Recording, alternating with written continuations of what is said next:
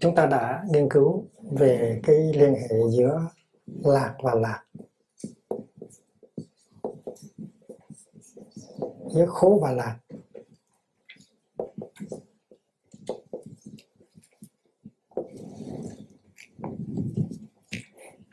Và bây giờ chúng ta đã có một cái ý niệm sâu hơn, rõ ràng hơn. Thế nào gọi là chân lạc? Nghĩa là chân hạnh phúc thì bây giờ chúng ta nghiên cứu nghiên cứu thêm giữa cái liên hệ giữa lạc và và lạc.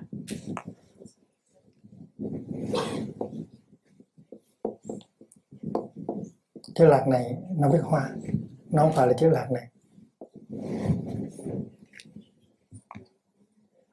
Tại vì chúng ta biết rằng bốn đức của niết bàn á, là thường lạc ngã tịnh.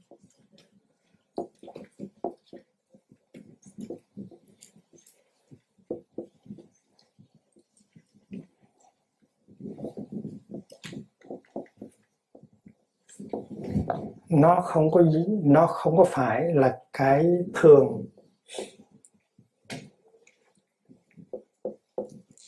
À, à, của vô thường.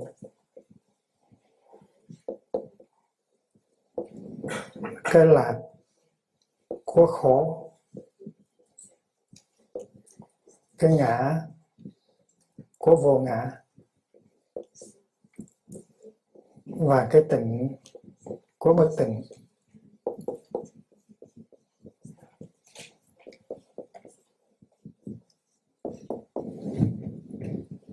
tại vì thường, vô thường là một cặp đối đại lạc và khổ, một cặp đối đại thứ hai. Ngã và vô ngã là một cặp đối đại thứ ba. Và tịnh bất tịnh là một cặp đối đại thứ tư. Nhưng mà thường lạc ngã tịnh này, nó không có nằm, cái thường này không phải là thường này vì vậy cho nên được nó được viết hoa.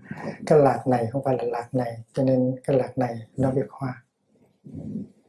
Vậy thì chúng ta hãy xét coi thử có cái liên hệ gì giữa cái lạc này và lạc này hay không. Và hai cái có hẳn là phải chống đối nhau hay không?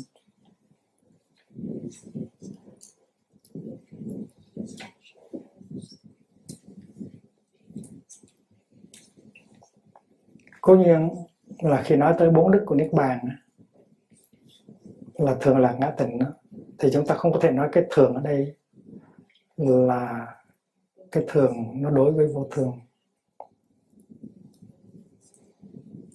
Tại vì cái thường nó đối với vô thường nó là một cái tà kiến nó là một cái điên đảo kiến. Còn thường của niết bàn nó không phải là tà kiến nó không phải là điên đảo kiến. Là chúng ta chỉ có thể hiểu được trong cái văn mạch của uh, tích môn và bạn môn thì chúng ta sẽ đem, phải đem lại cái ờ, cái hình của sóng để cho nó dễ hiểu. Sóng và nước. Thì sóng nó có sinh, nó có diệt, nó có lên, nó có xuống. Nó có thường, nó có vô thường. Nhưng mà những cái từ ngữ đó, sanh, diệt, cao, thấp, thường, vô thường lên xuống là nó chỉ áp dụng cho sóng thôi, có phải như vậy không? Nó không áp dụng cho nước được. Vậy vậy cho nên đứng về phương diện nước á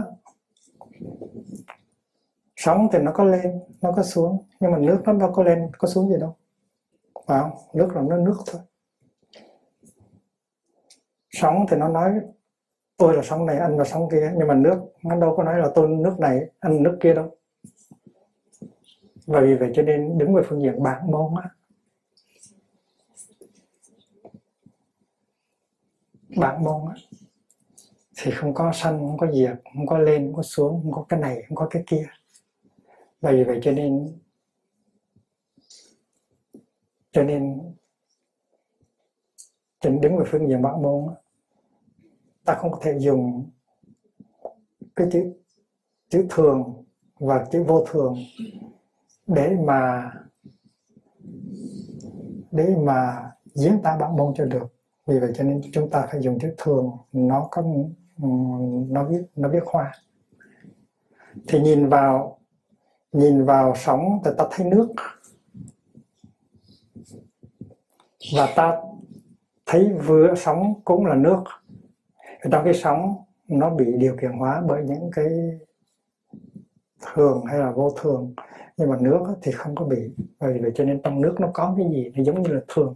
Nhưng mà cái thường của nước nó không phải là cái thường à, đối lại với vô thường của sóng.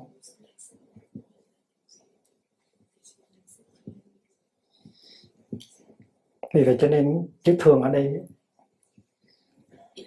nó không có nghĩa là có một cái gì trường cửu à, bất diệt. Nó nó đối đối đối chọi với cái cái à, à, mong manh. À, dễ tan vỡ. Khi mà khi mà nói tới sống thì ta nói tới vô thường để đối đối để đối trị với cái quan niệm thường. Nhưng mà đứng về phương diện nước thì chúng ta phải vượt thoát cái ý niệm về thường và vô thường để đi tới cái ý niệm à, để đi tới một cái một cái mỗi ý niệm cao hơn nó vượt thoát hai ý niệm kia đó là ý niệm thường.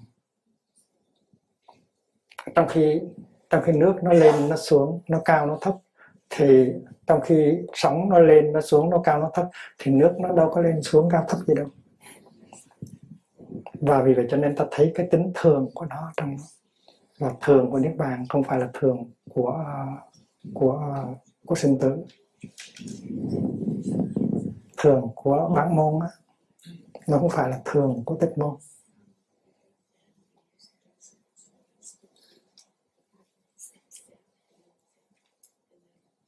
Cũng như là trên cái phần diện tích môn á, nó có nó có hữu và nó có vô. Ừ. Nó có hữu và nó có không.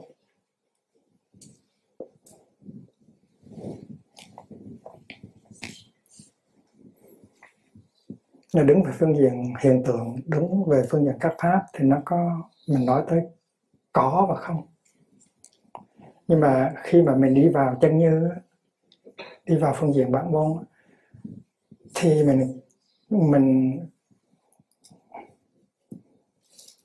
thì mình tuy đã vượt thoát vượt thoát hữu và vô rồi, nhưng mà mình mình vẫn thấy được là có thể dùng được chữ diệu hữu và chân không.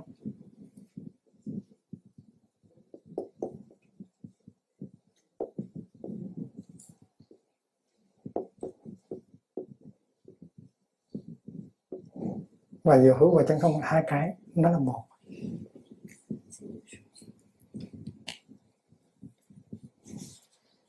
Tại vì diệu hữu không phải là hữu, chân không không phải là không.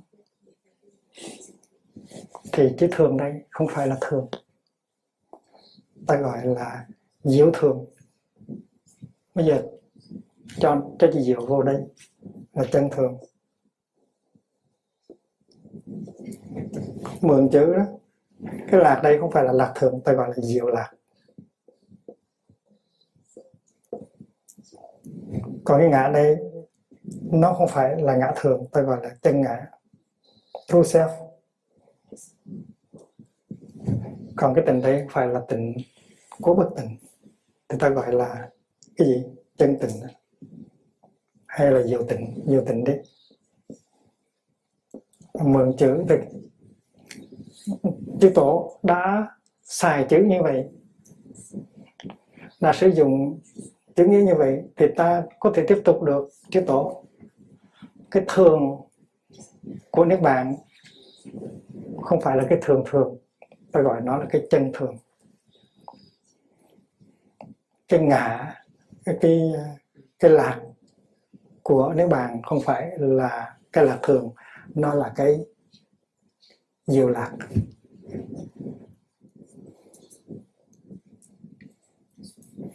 tại vì tại vì sao vậy? Tại khi ta vượt được cái cái thường và cái vô thường rồi thì ta không có sự, sự sợ hãi. Không có sự sợ hãi thì tự nhiên nó có cái niềm an vui.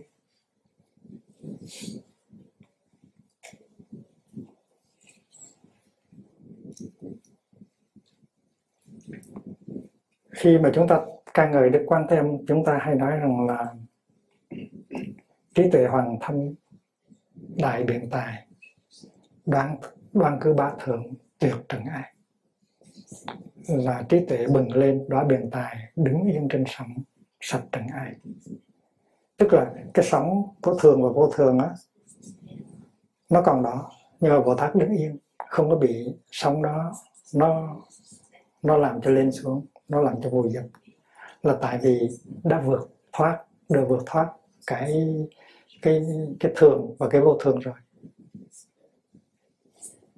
Vượt thoát cái thường và cái vô thường rồi. Và đã đạt được cái chân thường rồi. Chân thường cũng là chân vô thường. Cái vô thường này là một cái ý niệm, còn cái chân chân vô thường nó không phải ý niệm nữa, mà nó là cái thực tại thì vì vậy cho nên không có sự sợ hãi nữa. Và vì vậy cho nên có cái lạc. Cái lạc này là cái hạnh phúc. Cái hạnh phúc này nó hoàn toàn do cái vô ý là cái sự không sợ hãi mà nó sinh ra. Mà cái à, mà cái món quà lớn nhất của Đức Quan Tham tặng cho mình là cái vô ý, tức là sự không sợ hãi. Có ba món quà, có ba thứ quà mình có thể tặng cho người. Tài thí pháp thí và vô ý thí. Non fear vô ý thí là cái món quà lớn nhất. Và tặng và chỉ khi nào đạt tới cái bản môn, cái niết bàn thì mới có được cái vô ý mà thôi. Ngã là gì? Chân ngã là gì? Ngã ở đây nó có nghĩa là không còn không còn không còn là nạn nhân của sự lên xuống. Của thường của vô thường nữa. Ngã đây có nghĩa là tự do lớn ngã đây có nghĩa là chủ quyền. Rồi trong khi định nghĩa về ngã và các tôn ngày xưa có nói là ngã là có chủ quyền. Mình có chủ quyền hay không? Nếu mà mình không có tuệ tự giác và mình không có từ bi. Thì làm gì mình có chủ quyền được? Mình chỉ làm nạn nhân thôi à. Nạn nhân cho những cái gì xảy ra trong hàng ngày thôi. Vì vậy cho nên có được đại bi, đại trí và đại bi thì mình có chủ quyền. Cái đó gọi là ngã. Tức là mình có cái chủ quyền, có cái sovereignty. Mình không có là nạn nhân của sự lên xuống của thế gian nữa. Thế gian chê thì mình cũng không buồn thế gian khen mình cũng có mừng. Cái đó là chủ quyền cái đó là ngã. Tất cả những cái lên xuống ra vào à, gió gió theo tám hướng gió từ tám hướng thổi tới. Bát phong suy bất động tám ngọn gió nó không có làm cho mình động. Cái đó gọi là chủ quyền. Còn gió có danh có lời có khen có chê cái đó gọi là ngã ngã tức là chủ quyền và nếu bàn là chủ quyền chứ ngã không có nghĩa là một cái ta một cái ego ego. Hãy đụng tới là mà nỗi cổ nỗi uh, tam bành lục tạc ra thì cái cái ngã này là cái chủ quyền rất là lớn. Mà bồ bồ tát các vị đại nhân là có chủ quyền rất là lớn. Không có làm nạn nhân có sự lên xuống ra vào nữa khen chê hay là đắc thực nữa. Cái đó là ngã còn tình ở đây tình ở đây nó không phải là cái tình mà mình do vô minh do vô minh thấy. Vô minh á mình nhìn cái bất tình á mình cho là tình nhưng cái tình ở đây tức là vượt ra thọ vượt ra khỏi à, cái ý niệm dơ và sạch bất cấu, bất tình bất tăng, bất giảm không cấu, không có tịnh. Tức là không có dơ cũng có sạch. Và khi mà mình có cái thường, cái lạc và cái ngã rồi á, thì mình có sự thâm tình lớn, gọi là diệu tình và cái diệu tình này á, tức là cái sự không có vấn đục. Tâm mình không có bị vấn đục bởi danh, bởi lời, bởi tài, bởi sắc và đây là cái cái sự tinh khiết lớn nhất mà mình có thể đạt được. Và sự tinh khiết này chỉ có thể đạt được khi mà mình thực chứng được niết bàn. Vậy vậy cho nên bốn đức của niết bàn thường là cả tình phải được hiểu như như là vậy. Thì mới thì mới có thể nói rằng bốn cái đó không phải là tà kiến điên đạo. Còn nếu không, thì nó vẫn là tà kiến điên đạo.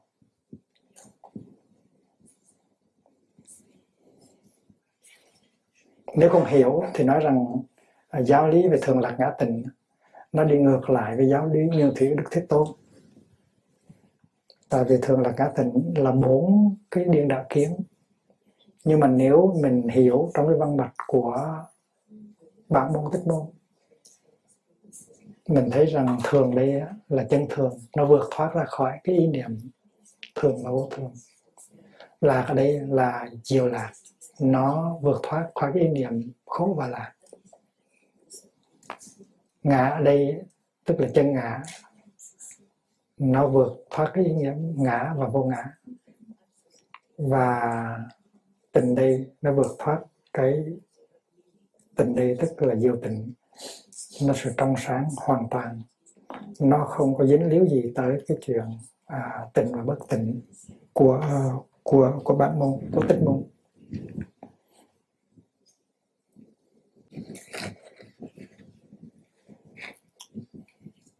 Có một cái ví dụ rất là màu nhiệm, nó có thể cho mình thấy được cái à,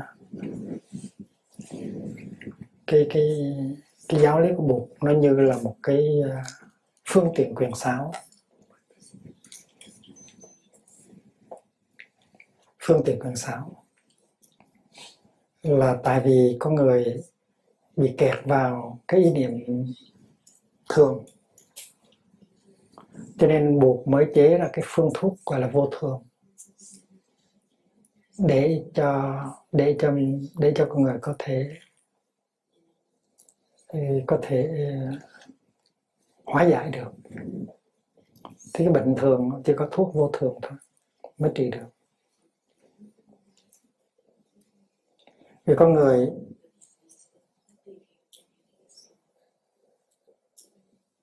cho là lạc, cái cái không phải là lạc. Cho nên buộc nói rằng cái đó không hẳn là lạc, cái đó là khổ. Thành khổ đó cũng là một cái một cái phương tiện quyền xảo. Một cái skillful means, một cái thang thuốc thôi. Nếu không có bệnh thì thuốc đó đâu có sai được. Đâu có cần phải sai và vì con người cho là có cái ngã có cái ngã riêng biệt, cho nên buộc mới dạy vô ngã. Và vô ngã là thuốc để trị bệnh ngã thôi. Và con người tin vào tỉnh cho nên buộc mới dạy bất tỉnh để cho con người đừng có đam mê. Thì tất cả những cái vô thường, vô ngã, khổ và bất tỉnh đó là những cái những cái phương tiện quyền xảo. Và những phương tiện quyền xảo đó phải, mình phải vượt luôn chúng có lý nói rằng à cái thuốc này nó quý quá mà nó vất thiếu uống thì mình uống vô mình uống vô là nguy á. Nếu không có bệnh uống vô là hơi nguy á, có phải vậy không? Bởi vì vậy cho nên à, giáo lý của ta là chiếc bè nó đưa qua sông qua sông rồi thì các ngươi đừng có đổi chiếc bè mà đi nên để chiếc bè trở lại. Vì vậy cho nên đây là một cái bài giảng nó nó nó nó chuẩn bị cho mình đi vào lâm thế lục tại vì lâm thế lục là thuốc rất là đắng thuốc rất là mạnh. Và nếu mình kẹt vào lâm thế lục là mình chết luôn.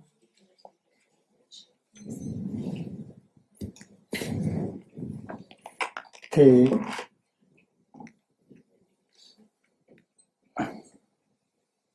cũng như là mình quẹt cái diêm này là mình để có ngọn lửa quay diêm á nó có mục đích là tạo ra ngọn lửa. Thì cái giáo lý vô thường á, vô ngã đó nó có mục đích là giúp cho mình có được cái cái tuệ giác cái insight về vô thường và vô ngã. Thì quay diêm á, tức là phương tiện quyền xảo và thương tình còn sao đó là để ờ, là để mà để mà làm phát sinh ra cái tự giác về vô thường và vô ngã. Nhưng mà khi mà tự giác vô thường vô ngã nó được phát sinh thì nó thiêu đốt quay diêm nó thiêu đốt cái quay diêm vì vậy cho nên cái quay diêm á, là vô thường khổ vô ngã và bất tỉnh. Đưa ra để làm thăng thuốc thôi. Nhưng mà khi mà khi mà cái thăng thuốc đó chữa bệnh rồi chữa được bệnh rồi thì thuốc đó không có cần xài nữa.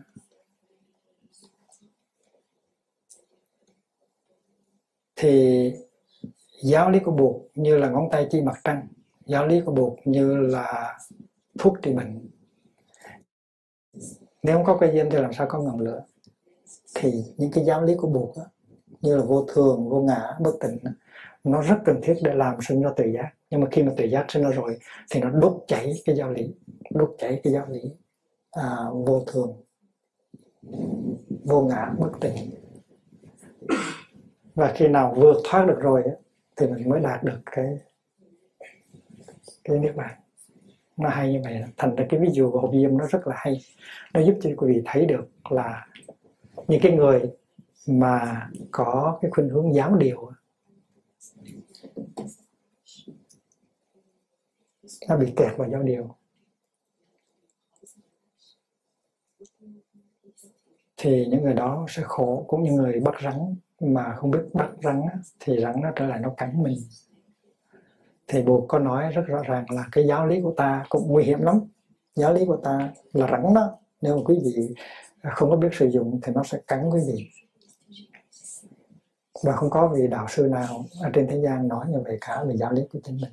Giáo lý của ta rất là cần thiết, rất là cần thiết cho các ngươi. Nhưng mà nếu các ngươi không biết sử dụng, thì các ngươi sẽ chết vì giáo lý của ta. Và đệ tử của buộc chết vì giáo lý của buộc cũng khá nhiều. Và thầy lâm tế cũng vậy. Thầy cũng cũng cũng nói như vậy. Và đệ tử của con cháu của tổ lâm tế hmm, là chết vì giáo lý của Đức của tổ Long Thế rất là nhiều. Tại vì học hỏi rồi kẹt vào chữ nghĩa. Không có biết rằng những cái giáo lý của ngài à, những cái những cái gậy của ngài những cái tiếng hét của ngài đều là những phương tiện cá kẹt vào đó chết hết.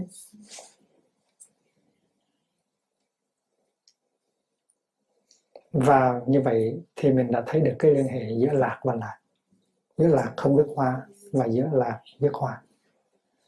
Và mình thấy rằng cái lạc nào không biết hoa